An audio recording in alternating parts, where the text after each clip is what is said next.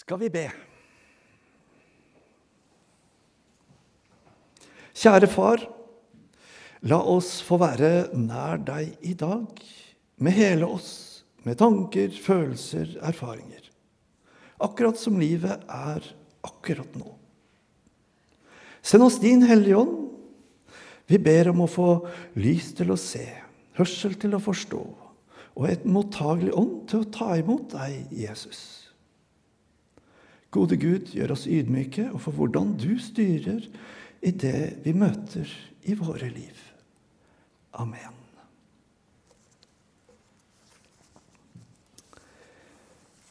I dag er det høsttakkefest. Og det skal vi komme til. Men eh, ja, jeg er minna på eh, å gå en god runde før vi kommer dit. Dagens evangelium er henta fra Johannes evangelium, som antagelig er det siste som ble skrevet av evangeliene. Og Johannes eh, legger særlig vekt på å velge ut tekster som viser at Jesus er Messias, Guds sønn. Jesus er Kristus. Ja, vi kan si at Johannes han utfyller de andre evangeliene og tar med mye som de andre ikke har tatt med. Og mens de tre første evangeliene hovedsakelig skildrer Jesu virksomhet i Galilea, så forteller Johannes hovedsakelig om Jesu virksomhet i Judea. Og Johannesevangeliet omtaler Jesu undergjerninger som tegn.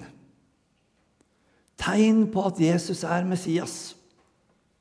Og det sjuende tegnet, ja, det skal vi høre om i dag. Om oppvekkelsen av Lasarus. I kapitlet før dagens evangelium så er Jesus i Jerusalem under tempelinnvielsesfesten Hanukka. Det står at det er vinter. Og i dagens jødekalender så kommer jo Hanukka i første halvdel av desember. Jesus er inne i de siste månedene hans, før hans lidelse og død. Han er i ordskiftet med jødene på tempelplassen om er han Messias eller ikke. Og jødene tar helt konkret opp steiner og vil steine han som en gudsbespotter. Men han slipper unna hendene på dem, står det. Så drar Jesus ned i Jordandalen, ned i Jeriko, over Jordanelva, og står at han oppholdt seg en tid der Johannes tidligere hadde døpt. Og Det står at mange kom til tro på Jesus. Og Deretter så kommer opptakten til vår tekst, vår dagens evangelium. For Vi leser i Johannes 11, 1. En mann som het Lasarus, var blitt syk. Han var fra Betania, landsbyen der Maria og hennes søster Martha bodde. Det var Martha som salvet Herren med fin salve og tørket føttene hans med håret sitt. Lasarus, som lå syk, var hennes bror. Søstrene sendte bud til Jesus og sa, 'Herre, han som du er glad i, er syk.'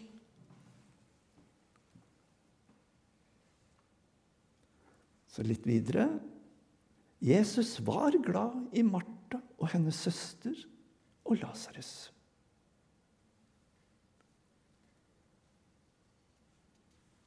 Jeg tok med denne innledningen for å poengtere i dag at Jesus ble menneske. Han tok 100% bolig i et menneske var menneske. Inn i et folk, inn i en kultur. Og Jesus han viser følelser i dagens tekst. Det er jo en del av det å være menneske.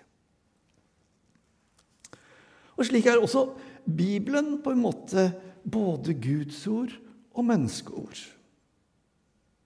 Det innebærer at vi kjenner igjen de menneskenes karakteristika som har skrevet Bibelen. Og Martha og Maria er omtalt bare i Johannes evangeliet. Ja, bortsett fra historien som jeg husker fra Lukas 10, med Maria som velger sin plass ved Jesu føtter. Det er så å si at Johannes mener søsknene, som var nære venner av Jesus, må fortelles, bør fortelles. Og jeg undres over at spesielt Marias salving av Jesus får stor oppmerksomhet hos Johannes. Der Markus og Matteus forteller om Jesus salving, men kvinnen er navnløs. Vi får ikke vite hvem det er. Så kommer Johannes og sier, 'Ja, men det var Maria'. Eh, Johannes syns det er kjempeviktig. Ja, enda til.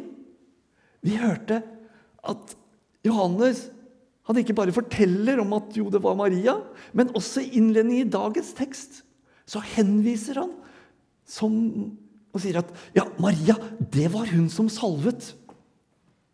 Og det er veldig litt rar litterær sammenligning, fordi han forteller om salvingen i kapittel 12. Og så henviser han i kapittel 11 til det som kommer etterpå. Det er ikke mange som gjør litterært.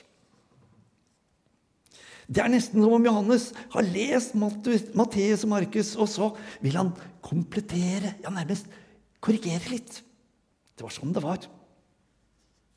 Og Betania den er en liten, var en bitte liten landsby ca. tre km øst for Jerusalem, på skråningen av Oljeberget. Ja, omtrent som Eik er i forhold til Tønsberg. Det er litt lengre tekst som vi skal lese i dag. Så Derfor så oppfordrer jeg deg til å sette deg godt til rette. Lytt etter hva Gud vil minne deg på i møte med teksten nå. Og Etter at vi har lest teksten sammen, så vil jeg la det være litt stille, sånn at du kan drøse over det du ble minnet på. Vi leser teksten fra Johannes 11. kapittel, 17. vers. I Jesu navn. Da Jesus kom fram, fikk han vite at Lasarus alt hadde ligget fire dager i graven. Betania ligger like ved Jerusalem, omtrent 15 stadier fra byen. Og mange av jødene var kommet til Martha og Maria for å trøste dem i sorgen over broren. Da Martha hørte at Jesus kom, gikk hun for å møte ham. Maria ble sittende hjemme. Martha sa til Jesus, 'Herre, hadde du vært her, var ikke broren min død.' Men også nå vet jeg at alt det du ber Gud om, vil han gi deg. Din bror skal stå opp, sier Jesus. Jeg vet at han skal stå opp i oppstandelsen på den siste dag, sier Martha. Jesus sier henne, Jeg er oppstandelsen og livet. Den som tror på meg, skal leve om han enn dør. Og hver den som lever og tror på meg, skal aldri i evighet dø. Tror du dette? Ja, Herre, sier hun. Jeg tror at du er Messias, Guds sønn, han som skal komme til verden.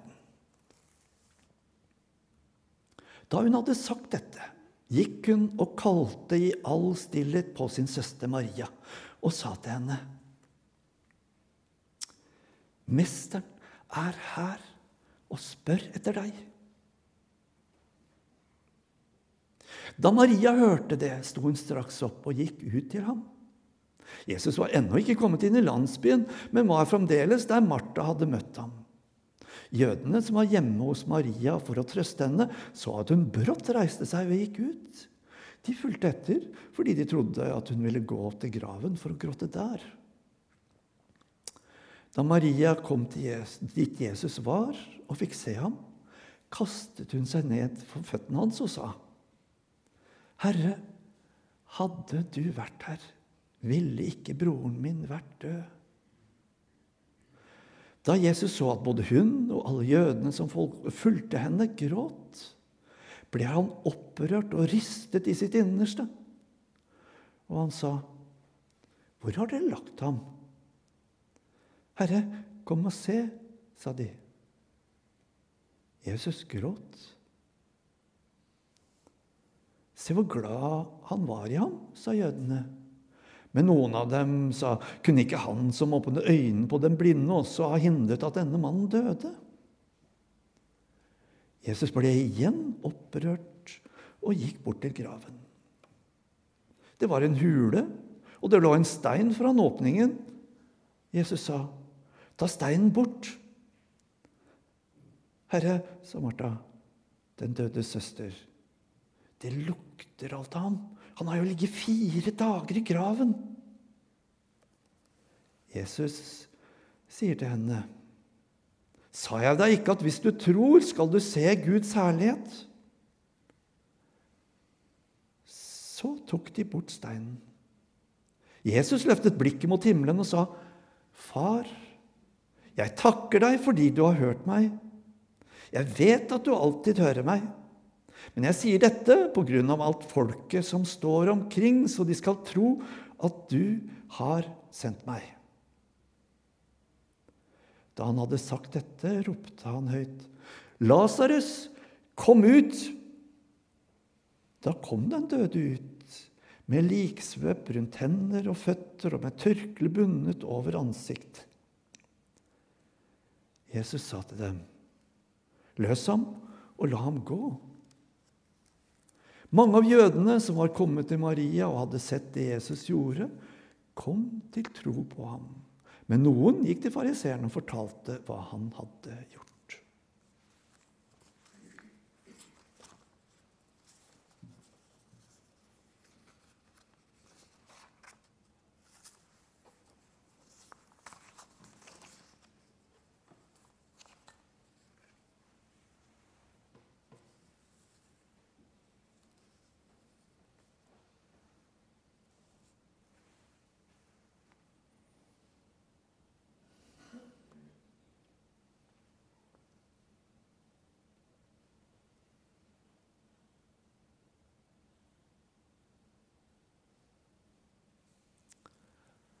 Amen. Det er eh, tre utsagn som jeg vil hente fram i preken i dag. Det første er både det Martha og Maria møter Jesus med. Herre, hadde du vært her, ville det ikke skjedd. Jesu venner i sorg og fortvilelse. De hadde sendt bud, bedt om at Jesus skulle komme. De visste at han var i Jordandalen, ikke så langt unna.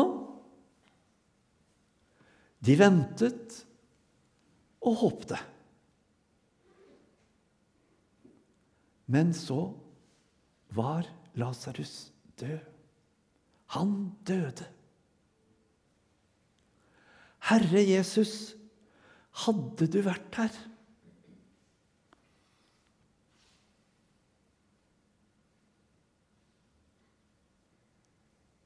Vi må forsøke å snakke så ærlig om livet som vi makter.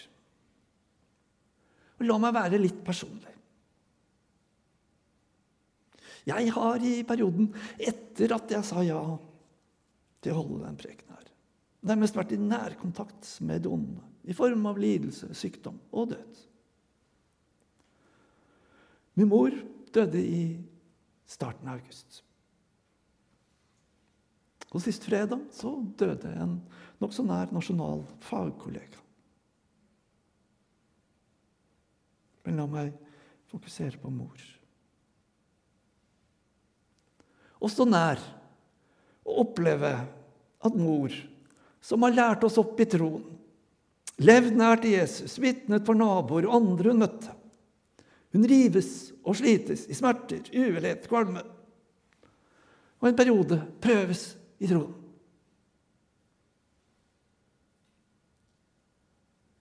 Jesus, hadde du vært der?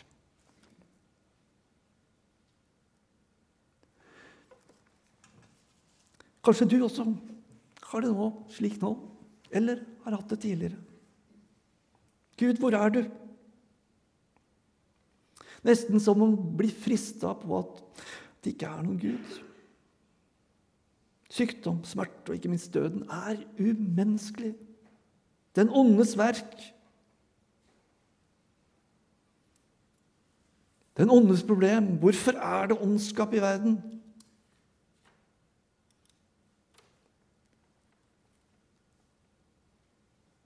Holdt på å lese en bok av C.S. Lewis. 'Se de øynene' heter den, og den kom nå som ny utgave nå i 2023. Det kan anbefales. Den er ryddig, kjempevelskrevet gjennomgang av kjernen av de kristne tro. Ja, på en grundig og klok måte.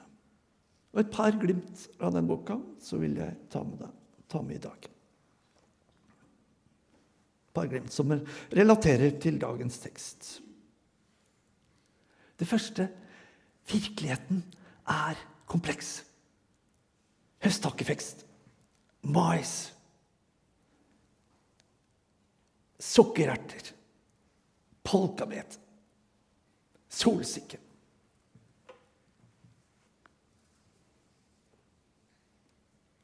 Den som skapte verden, Gud, han kopierte ikke noe annet Og hvordan virker den? Jo, den er bare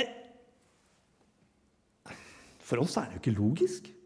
Det er masse komplekse sammenhenger som binder sammen. Og det vi egentlig Ja, en solsikke Det vi egentlig ser, det er bare hvordan lyset reflekteres. Ikke sant? Hvordan ett av de bladene henger sammen, står i en struktur, holdes oppe, men ikke rapper på bakken av tyngdekraften.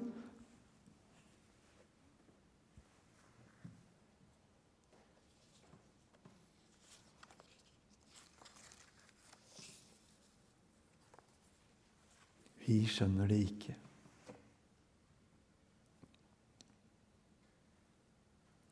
Andre som C.S.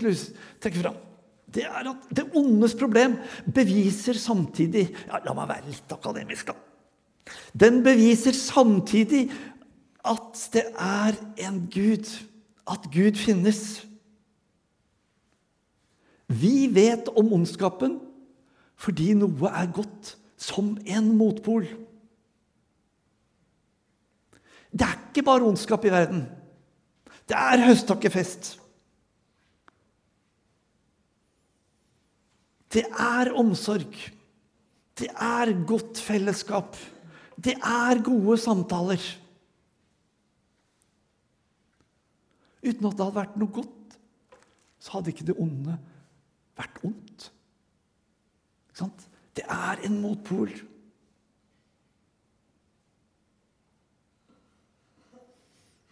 Og så sier han vi kristne vi må huske at vi befinner oss i en borgerkrig. Vi befinner oss på et okkupert område. Gud har seiret, men fienden Satan har fortsatt makt.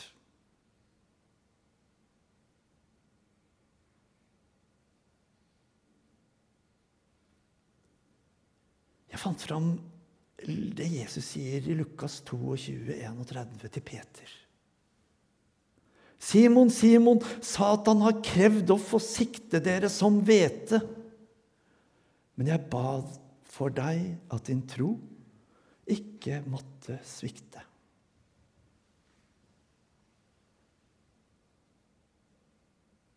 Ja, I Bibelen er det mange eksempler på at folk i pressa og fortvilte situasjoner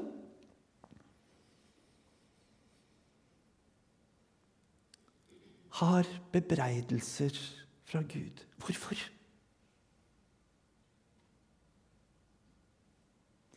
Og Jeg tror at vi kristne kan fristes til å ikke være helt ærlige om livet.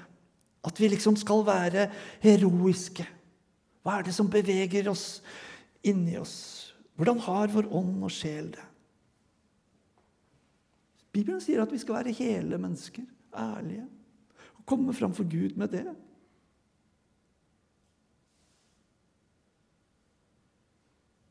Og Av og til kan vi bli litt redde for følelser. Men følelser er sanne. Men de forteller ikke hele sannheten. Jeg har lyst til å ta med noen ord fra Salme 13. Hvor lenge, Herre, vil du glemme meg for alltid? Hvor lenge vil du skjule ditt ansikt for meg? Hvor lenge skal jeg ha uro i sjelen og sorg i hjertet hele dagen? Hvor lenge skal fienden ha makt over meg?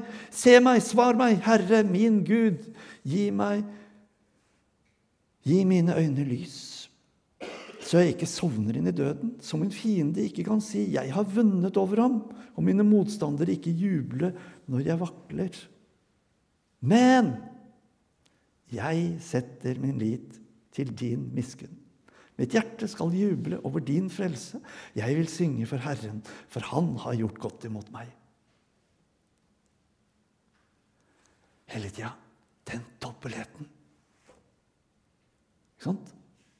Midt i det mørke, ja, så switcher Da skrev da salmen. Jo, men uansett, jeg vil holde fast. Jeg vil sette min lit til din miskunn.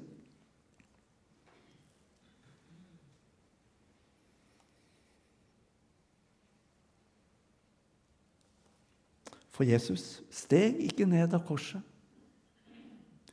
Han hang på korset og døde og oppsto for oss. Og et underlig ord som er sant. Bibelen sier at allting tjener dem til gode som elsker Gud.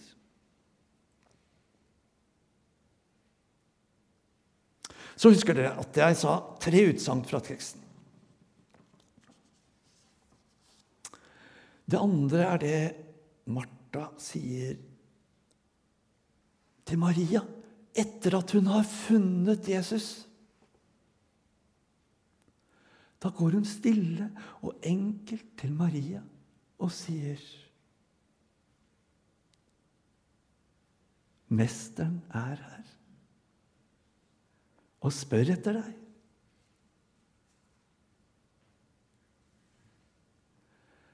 Mesteren er her og spør etter deg.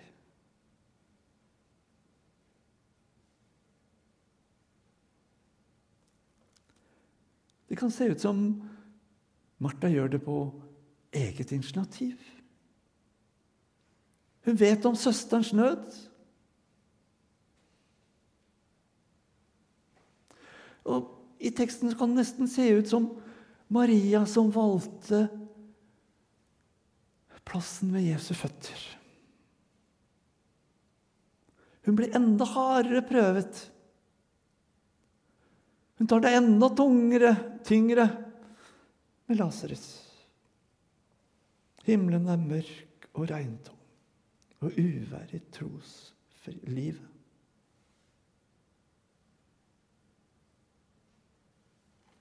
Kan vi være en sånn som går til noen og sier Mesteren er her og spør etter deg.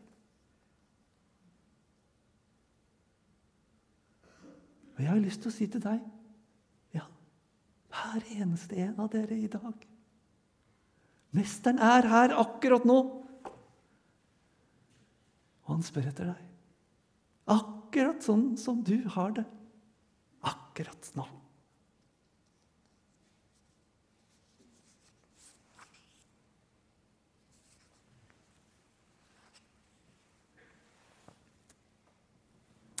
Det tredje utsagnet som jeg vil dra fram, er Jesu eget ord til Martha. Hva sier Jesus? Sa jeg deg ikke? Jesus minner på det Jesus har sagt tidligere. Sa jeg deg ikke?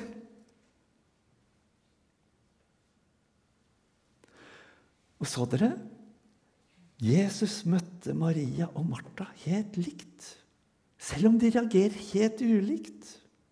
Han bebreider dem ikke. Han minner dem om det han har sagt.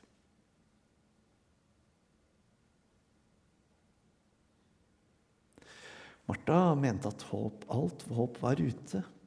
Det stinker allerede.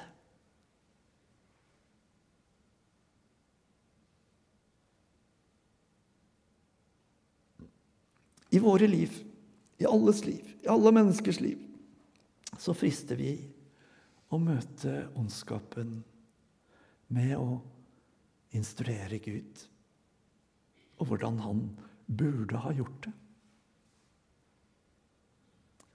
Vi fristes til å være stolte og ikke ydmyke.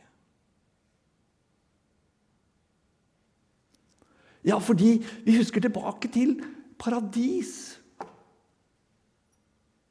Hva var selve fristelsen? Jo, har Gud virkelig sagt?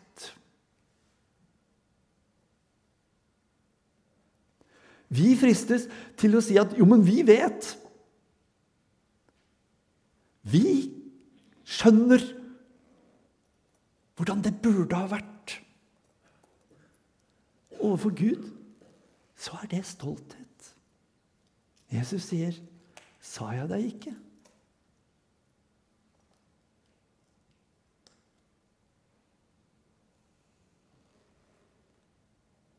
Og hva sier han? Jesus steg ikke ned av korset. Bibelen sier han døde og oppsto for oss, for at vi skal oppstå sammen med ham. Han seiret over djevelen og døden. Vi skjønner ikke hvorfor vi møter ondskap. Bibelens svar er allting tjener den til gode som elsker Gud. Og har mange vitnesbyrd at også ondskapen tjener til det gode på forunderlig vis. Vi skjønner det ikke. Gud kan bruke det onde til å gjøre noe godt. Vi har ikke peil. Vi vet ikke. Vi må være ydmyke overfor Gud. Og I dag så vises Jesus tegn med oppvekkelsen av Lasarus. Og Han vekkes opp tilbake til dette livet. Et tegn på at Jesus er Messias, altså Kristus. Ja, Det kan kanskje se ut som det er litt sånn upresist når vi liksom kaller denne søndagen for høstens påskedag. Bibelen forteller at det er bare Jesus som har stått opp til det nye livet. Lasarus ble vekt tilbake til dette livet som et tegn. Men denne søndagen minner oss om at vi en dag skal stå opp sammen med Jesus. Og Derfor er det godt å ha takkefest. Vi får være barn i Guds rike, som vi sang om i første. Ja, ikke sant? Da er Gud på rette plassen, og vi er på rette plassen som et barn. Takk for at jeg får være barn i ditt rike. Ære være Faderen og Sønnen og Den hellige ånd, nå og alltid og i all evighet. Amen. Nå vil